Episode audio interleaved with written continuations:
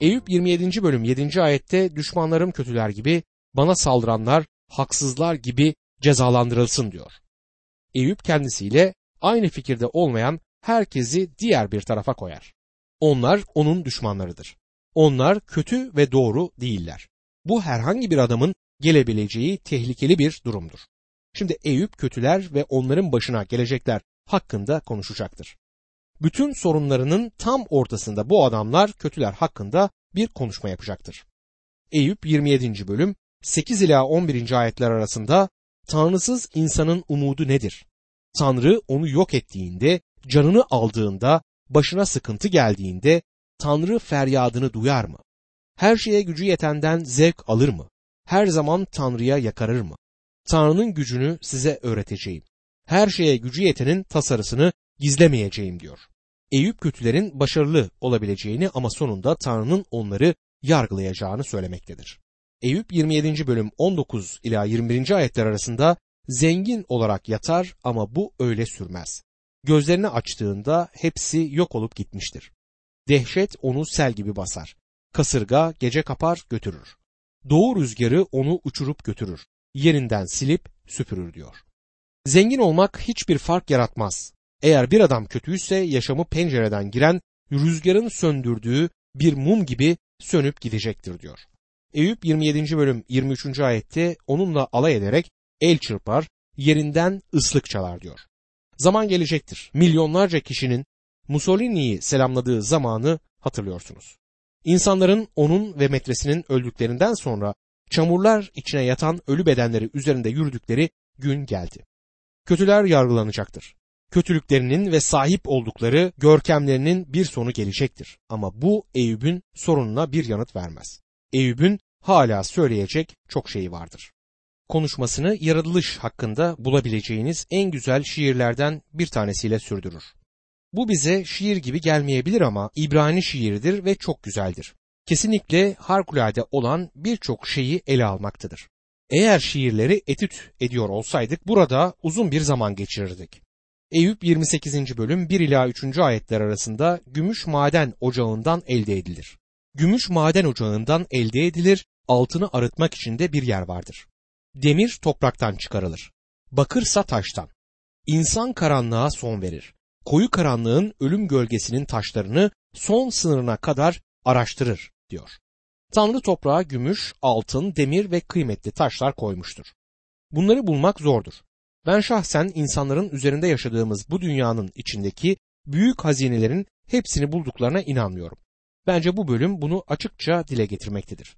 Ayrıca elmastan daha değerli olabilecek ve şimdiye kadar hiç keşfedilmemiş değerli taşlar olduğuna da inanıyorum. Eyüp 28. bölüm 4 ve 5. ayetlerde maden kuyusunu insanların oturduğu yerden uzakta açar. İnsan ayağının unuttuğu yerlerde herkesten uzak iplere sarılıp sallanır. Ekmek topraktan çıkar. Toprağın altı ise yanmış alt üst olmuştur diyor. Toprak sadece değerli taşlar vermekte kalmaz aynı zamanda bizlere yiyecek ekmek de sağlar. Eyüp 28. bölüm 6 ila 8. ayetlerde ise kayalarından lacivert taşı çıkar. Yüzeyi altın tozunu andırır. Yırtıcı kuş yolu bilmez, doğanın gözü onu görmemiştir. Güçlü hayvanlar oraya ayak basmamış, aslan oradan geçmemiştir diyor. Kuşlar yeryüzü ve onun dağlarının üzerinden uçuyorlar demektedir. Toprağın derinliklerinde kuşların bilmediği mineral damarları vardır. Akbabalar bile onları göremez. Tamamıyla bilinmeyen ve dokunulmamış değerli taşlar ve zenginlik damarları olmalıdır. Eyüp 28. bölüm 9. ayette madenci elini çakmak taşına uzatır, dağları kökünden alt üst eder diyor. Tanrı depreme neden olabilir. Toprağın topografyasını değiştirebilir. Yeryüzünde ortaya çıkmasını istediği zenginlik damarlarını ortaya çıkarabilir. Eyüp 28. bölüm 10 ve 11. ayetlerde kayaların içinden tüneller açar. Gözleri değerli ne varsa görür. Irmakların kaynağını tıkar, gizli olanı ışığa çıkarır diyor. Eyüp topraktaki mineraller ve değerli taşlardan söz eder. Bunlardan daha da değerli olan şey bilgelik ve anlayıştır. Eyüp Tanrı'nın mineralleri toprağa koyduğunu biliyor ama çok az bulunan bir şey olan bilgeliğin kaynağının nerede olduğunu da soruyor. Eyüp 28. bölüm 12 ila 14. ayetlerde ama bilgelik nerede bulunur? Aklın yeri neresi? İnsan onun değerini bilmez, yaşayanlar diyarında ona rastlanmaz. Engin bende değil der, deniz yanımda değil. Eyüp arkadaşlarına bilgeliği bulmamış olduklarını söylemektedir. Bu parçayı temel alarak bir görüşümü bildirmek istiyorum. Okyanus tabanını araştırmak ve uzayı araştırmak, yeryüzünün her çatlağını araştırmanın insana yeryüzünün başlangıcı hakkında gerçek bilgelik ve gerçek bilgi vereceğine inanmıyorum. İnsanlar onu oralarda bulamazlar. Neyin nasıl var olmaya başladığını ve onu oraya kimin koyduğunu öğrenmeyeceklerdir. Eyüp 28. bölümü 15. ayette onun bedeli saf altınla ödenmez, değeri gümüşle ölçülmez diyor. Aydan taş parçalarının getirilmesi için milyarlarca dolar ödüyoruz. Bunlar çok pahalı taş parçaları dostum. Ama insana bilmeyi istediği şeyi söylemezler. Eyüp 28. bölüm 16 ile 18. ayetler arasında ona Ofir altınıyla, değerli oniksle, lacivert taşlarıyla değer biçilmez. Ne altın ne cam onunla karşılaştırılabilir. Saf altın kaplara değişilmez. Yarında mercanla billurun sözü edilmez. Bilgeliğin değeri mücevherden üstündür diyor. Eyüp'ün arkadaşlarının kendisine getirmesini umduğu bilgelik insan anlayışının ötesindeydi. Eyüp 28. bölüm 19. ayette kuş topazı onunla denk sayılmaz. Saf altınla ona değer biçilmez diyor. Yani ona kimse paha biçemez diyor. Eyüp 28. bölüm 20 ila 22. ayetler arasında öyleyse bilgelik nereden geliyor? Aklın yeri neresi? O bütün canlıların gözünden uzaktır.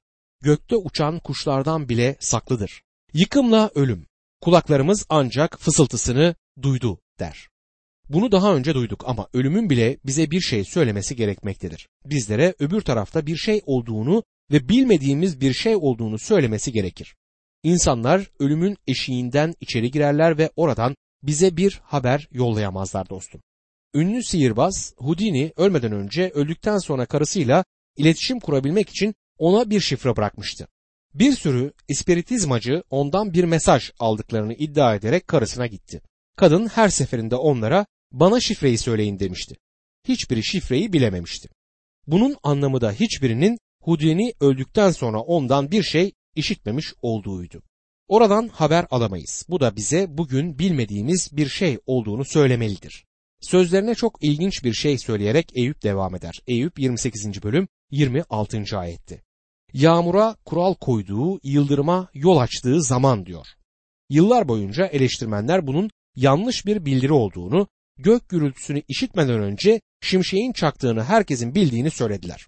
Ama daha sonra ses dalgalarının ışık dalgaları kadar hızla yolculuk etmediğini keşfettikten sonra şimşeğin gerçekleşen gök gürültüsünün çarpışmasından gelen bir flash olduğunu anladılar. Eyüp kitabının yazarının bunun gök gürültüsünün şimşeği olduğunu bilmesi gerçekten hayret vericidir. Eyüp 28. bölüm 28. ayette insana işte Rab korkusu, bilgelik budur dedi. Kötülükten kaçınmak akıllılıktır. Eyüp'ün arkadaşları bu adamın sorunlarını araştırıp bulamadılar. Eyüp'ün gizli günahının ortaya çıktığını göreceğiz ama bu onun arkadaşlarının şüphelendiği bir şey değildi.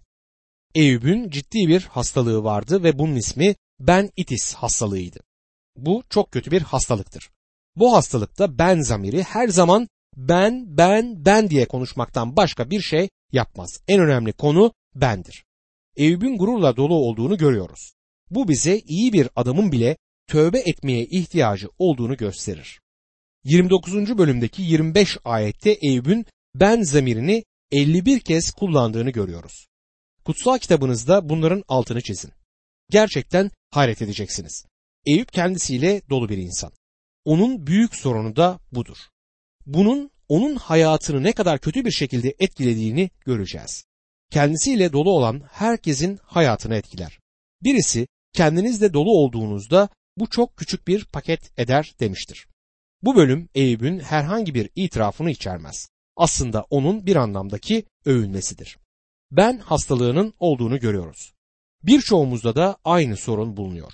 Bu zamir hepimiz için yaşam tekerleğinin merkezini oluşturur. Her şey bizden çıkan bir tekerlek çubuğudur.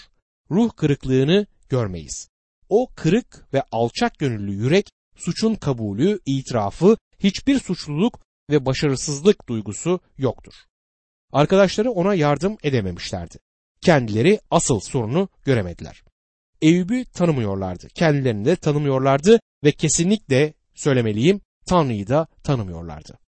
Tanrı'nın Eyüp'e bir ceza olarak sıkıntı yolladığına ve Eyüp'ün ayak direttiğine inanıyorlardı. Ona karşı hoyrattılar ve onu teselli edemediler. Her biri farklı bir yaklaşımda bulundu, buna karşın hepsi aynı sonuca vardı. Arkadaşlarının yöntemlerini özetleyebiliriz. Elifaz deneyimin sesiydi. Günümüzde psikolojik yaklaşım diyebileceğimiz yöntemi kullandı. Bu olumlu düşüncenin gücü denilen yaklaşımdır. İlk olarak neşeli bir tutum takınır. Bildat gelenekçiydi ve felsefi yaklaşımı kullandı. Bugünümüzde bazı ilahiyat fakültelerinin yaklaşımı olabilir. Felsefi yaklaşımı kullanırlar ama bunun kimseye bir yararı olmaz. Sofar ise bir dinsel doğmacıydı. Tanrı hakkında her şeyi bildiğini sanıyordu. Bu arada aşırı tutucu olanlarımızdan bazılarına benzediğinde söylemeliyim. Hepimiz Eyüp'ün arkadaşlarından birinin sınıfına girmekteyiz.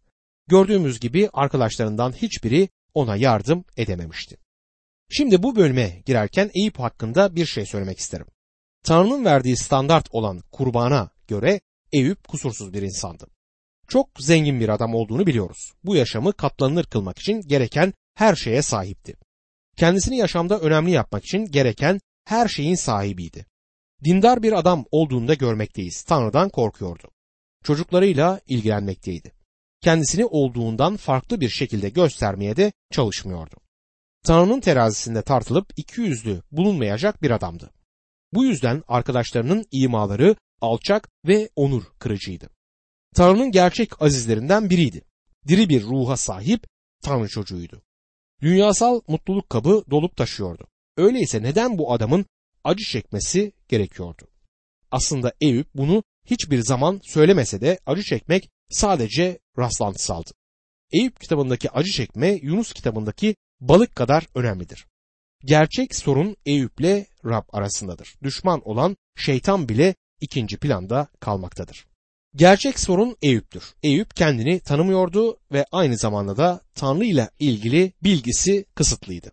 Sokrat kendini tanı demişti. Bu önemlidir. Eyüp kendini tanımıyordu. Kendini doğru sayıyordu ve kendi kendine de yetiyordu. İnsanlardan her türlü iltifatlar alıyor ve biraz da kendine hayranlık duyuyordu. Bu adamın hayatında ruhsal bir egoizmin olduğunu söylememiz mümkündür. Tanrı bunları kendisine gösterdiğinde bunu açıkça göreceğiz. 29. bölüm Eyüp'ün hayatıdır. Eyüp bizlere kendisinden 29. bölümde söz edecek. Aynı zamanda geçmişini gözden geçirecek yani bir anlamda bir öz eleştiri yapacaktır. Eyüp 29. bölüm 1 ve 2. ayetlerde Eyüp yine anlatmaya başladı. Keşke geçen aylar geri gelseydi, Tanrı'nın beni kolladığı, kandilinin başımın üstünde parladığı, ışığıyla karanlıkta yürüdüğüm günler diyor. Burada Eyüp'ün anlattığı Eyüp'ün eski güzel günleriydi. Eyüp 29. bölüm 4. ayette keşke olgunluk günlerim geri gelseydi. Tanrı'nın çadırımı dostça koruduğu diyor. Karşımızda gençliğinden beri Tanrı'ya hizmet eden bir adam görüyoruz. Eyüp 29. bölüm 5 ila 7. ayetler arasında devam eder. Her şeye gücü yetenin henüz benimle olduğu, çocuklarımın çevremde bulunduğu, yollarımın sütle yıkandığı, yanımdaki kayanın zeytinyağı akıttığı günler. Kent kapısına gidip kürsümü meydana koyduğumda diyor. Yani Eyüp'ün işlerinin yolunda olduğunu anlıyoruz. Dokunduğu her şey bir anlamda altına dönüşmektedir. Sadece işleri yolunda olmakla kalmaz.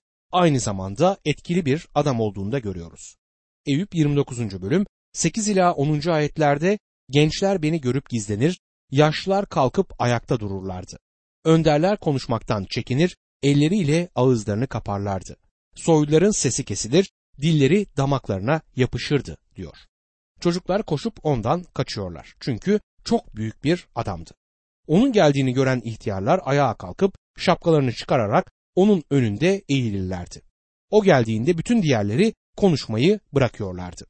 Prensler ve asiller bile susarak Eyüp'ün konuşmasını bekliyorlardı. Onlardan konuşmalarını istemedikçe soylular onun önünde konuşmazlardı. Eyüp 29. bölüm 11. ayette beni duyan kutlar, beni gören överdi. Kildanilerin Uz diyarındaki şehir kulüpleri tarafından en değerli vatandaş seçildiği anlaşılıyor. Şehrin en nüfuslu sakiniydi. Eyüp 29. bölüm 12. ayette çünkü yardım isteyen yoksulu, desteği olmayan öksüzü kurtardım diyor. İhtiyarlara emekli aylığı veriyordu. Fakirlere yardım ediyordu. Eyüp 29. bölüm 13. ayette ölmekte olanın hayır duasını alır, dul kadının yüreğini sevinçten coştururdum diyor. Bu adamın gerçekten düşünceli olduğunu, dullara baktığını görüyoruz. Eyüp 29. bölüm 14. ayette doğruluğu giysi gibi giyindim, adalet kaftanım ve sarığımdı sanki diyor. Bu adamın iyi işleri onun süsüydü. Ve insanlar öğüt almak için kendisine geliyorlardı. Eyüp 29. bölüm 15. ayette körlere göz, topallara ayaktım diyor. Körler Okulu'nda yönetim kurulu başkanıydı ve sakat çocuklar yurduna büyük yardımlarda bulunuyordu. Dostum bu adam gerçekten harikaydı. Bu tür vatandaşlara çok ihtiyacımız var. Eyüp 29. bölüm 16. ayette yoksullara babalık eder, garibin davasını üstlenirdim diye devam ediyor. Belirli bir davaya maddi yardımda bulunmadan önce onu iyi araştırırdı. Bugünümüzde inanların fazlaca yapmadıkları bir şeydir. Eyüp sadece değerli bir amaç olduğunu düşündüğü şeyleri desteklerdi. Eyüp 29. bölüm 17. ayette haksızın çenesini kırar, avını dişlerinin arasından kapardım diyor. Vatandaşların dürüst davranmaları gerektiğine, yasa ve düzene inanıyordu. Yani sonuç olarak Eyüp'ü iyi bir adam olarak görüyoruz. Eyüp 29. bölüm 18 ila 20. ayetler arasında son soluğumu yuvamda vereceğim diye düşünüyordum. Günlerim kum taneleri kadar çok. Köküm sulara erişecek, çiğ geceyi dallarımda geçirecek, aldığım övgüler tazelenecek, elimdeki yay yenilenecek diyor. Eyüp kendi kendine her şeye ulaştım. Emekli olmak için istediğim her şeye sahibim. Yuvamda öleceğim. Günlerim kumlar gibi artacak ve yaşlanınca öleceğim diye düşünüyordu. Her şeye sahip olduğunu düşünen bir adam. Harika bir ailesi vardı. Sağlığı iyiydi. İnsan Eyüp'ün sahip olmadığı bir şey düşünemiyor. Eyüp 29. bölüm 21 ila 23. ayetler arasında insanlar beni saygıyla dinler, öğüdümü sessizce beklerdi. Ben konuştuktan sonra onlar konuşmazdı. Sözlerim üzerlerine damlardı. Yağmuru beklercesine beni bekler, son yağmurları içercesine sözlerimi içerlerdi diyor. Gruptaki herkes onun öğüdünü duymak istiyordu. Bir karar vermeden önce Eyüp'ü bulup onun düşüncesini sorarlardı. Vali ve mahkeme heyeti bir karara varmadan önce Eyüp'le konuşarak onun fikrini sorarlardı. Çok büyük, nüfus sahibi, önemli bir adamdı. Eyüp'ün söylediği her söze büyük önem verilirdi. Eyüp 29. bölüm 24 ve 25. ayetlerde kendilerine gülümsediğimde gözlerine inanmazlardı. Güler yüzlüyüm onlara cesaret verirdi. Onların yolunu ben seçer, başlarında dururdum. Askerlerinin ortasında kral gibi otururdum. Yaslıları avutan biri gibiydim diyor. Eyüp hayat toteminin en üstündeydi. Yani yaşam mutluluğunun en üst düzeyini yaşıyordu. Şeref, zenginlik ve etkinlik içerisinde yaşıyordu. Servetinden ötürü büyük etki sahibiydi. İdeal bir adamdı. Günümüzde insanlığın erişmeye çalıştığı bir hedefti. İyi bir hayat yaşadı. Bol yaşamın gerçekten ne olduğunu biliyordu. Ama Eyüp bir aptallar cennetinde yaşamaktaydı. Bir kül kedisi dünyasında yaşıyordu ama saat gece yarısını çalınca at arabası bir bal kabağına dönüşmüştü. Üçüncü bölümde ne dediğini hatırlatmak isterim. Eyüp 3. bölüm 25 ve 26. ayetlerde korktuğum, çekindiğim başıma geldi. Huzur yok, sükunet yok, rahat yok, yalnız kargaşa var demişti. Bomba yuvaya düştü. Böyle bir şey olmasından korkuyordu. Bütün maddi servetinin yok olmasından, kendisinden bir anda alınmasından korkmuştu ve öyle oldu. Dayanacak başka hiçbir şeyi yoktu. Arkadaşları bile düşüşünün şiddetini yumuşatamadılar. Hatta onun korkunç, gürültülü bir şekilde düşmesine neden oldular. Eyüp kendi dürüstlüğünü gösteriyordu. 14. ayette söylediklerine bir bakın. Doğruluğu giysi gibi giyindim, adalet kaftanım ve sarığımdı sanki diyor. Hep kendisinden söz eder. Hiçbir itiraf ve başarısızlık kabulü duymuyoruz. Eyüp'te kırık ve alçak gönüllü bir yürekten eser görmüyoruz. Eyüp 30. bölüm o anki perişanlık ve çektiği acılarla devam eder. Eyüp 30. bölüm 1. ayette ama şimdi yaşı benden küçük olanlar benimle alay etmekte oysa babalarını sürümün köpeklerinin yanına koymaya tenezzül etmezdim diyor. Sizlere her şeyin nasıl olduğunu söylemiştim ama şimdi bu küçükler etrafıma toplanıp bana taş atıyorlar. Beni yararsız biri olarak görüyorlar. Sizlere bu çocukların babaları hakkında bir şey söylemek istiyorum. Onları sürülerimi gütmek için bile tutmazdım diyor Eyüp. Eyüp 30. bölüm 2 ve 3. ayetlerde çünkü güçleri tükenmişti. Bileklerinin gücü ne işime yarardı? Yoksulluktan, açlıktan bitkindiler. Akşam çölde, ıssız, çorak yerlerde kök kemiriyorlardı diye durumu özetler. Sözlerine kendisini yararsız gören o alçaklarla alay ederek devam eder.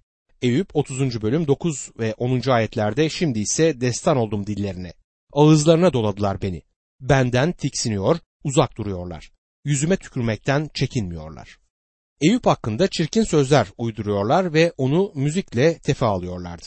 Sokak kabadayıları tarafından rahatsız edilmenin ne demek olduğunu biliyordu. Sizi bilmem ama ben Eyüp'ü dinlemekten sıkıldım. Önce ne kadar önemli biri olduğunu anlatarak övünüyordu. Şimdi ilgi toplamaya çalışır. Eskiden çok harika bir insandım. Şimdi ise halime bakın diye yakınır. Olup bitenler her ne olursa olsun Tanrı iyi olmadığı için değil, Tanrı iyi olduğu için olmuştur. Ne olursa olsun olup bitenler Tanrı'nın inanının yaşamında onun için yararlı bir şey gerçekleştirdiğinden ötürüdür. Eyüp en sonunda Eyüp 30. bölüm 31. ayette Lirimin sesi yaz feryadına, neyimin sesi ağlayanların sesine döndü diyor. Lir onun şarkı sesidir. Şimdi söyleyebildiği tek şarkı ağıtlardır. Kavalı ise konuşma sesidir ve bütün yapabildiğinin ağlamak olduğunu söylemektedir. Sesinde devamlı bir gözyaşı vardır. Şimdi durumu böyledir. Anlayış istiyor ve gerçekten de acınacak durumda olan bir adamdır. Ancak ruhunda hala bir kırıklık olmadığını fark edeceksiniz. Tanrı bu adamın hayatında büyük bir zarara neden olmuştur. Eyüp gururlu bir adamdır. Tanrı'yı haklı çıkaracak yerde kendini haklı çıkartmaya çalışmaktadır. Hatta Tanrı'yı suçlamaktadır. Eyüp'ün sorunu nedir? Eyüp'ün sorunu gururdur. Şeytanın düşmesine neden olan şeyin aynısı olan gurur. Adam bahçesindeki günah gururdur. İnsan yüreğini bir kanser gibi yiyip bitiren o korkunç şey gururdur. O korkunç gurur günahı hepimizin yüreklerinde ve yaşamlarında vardır.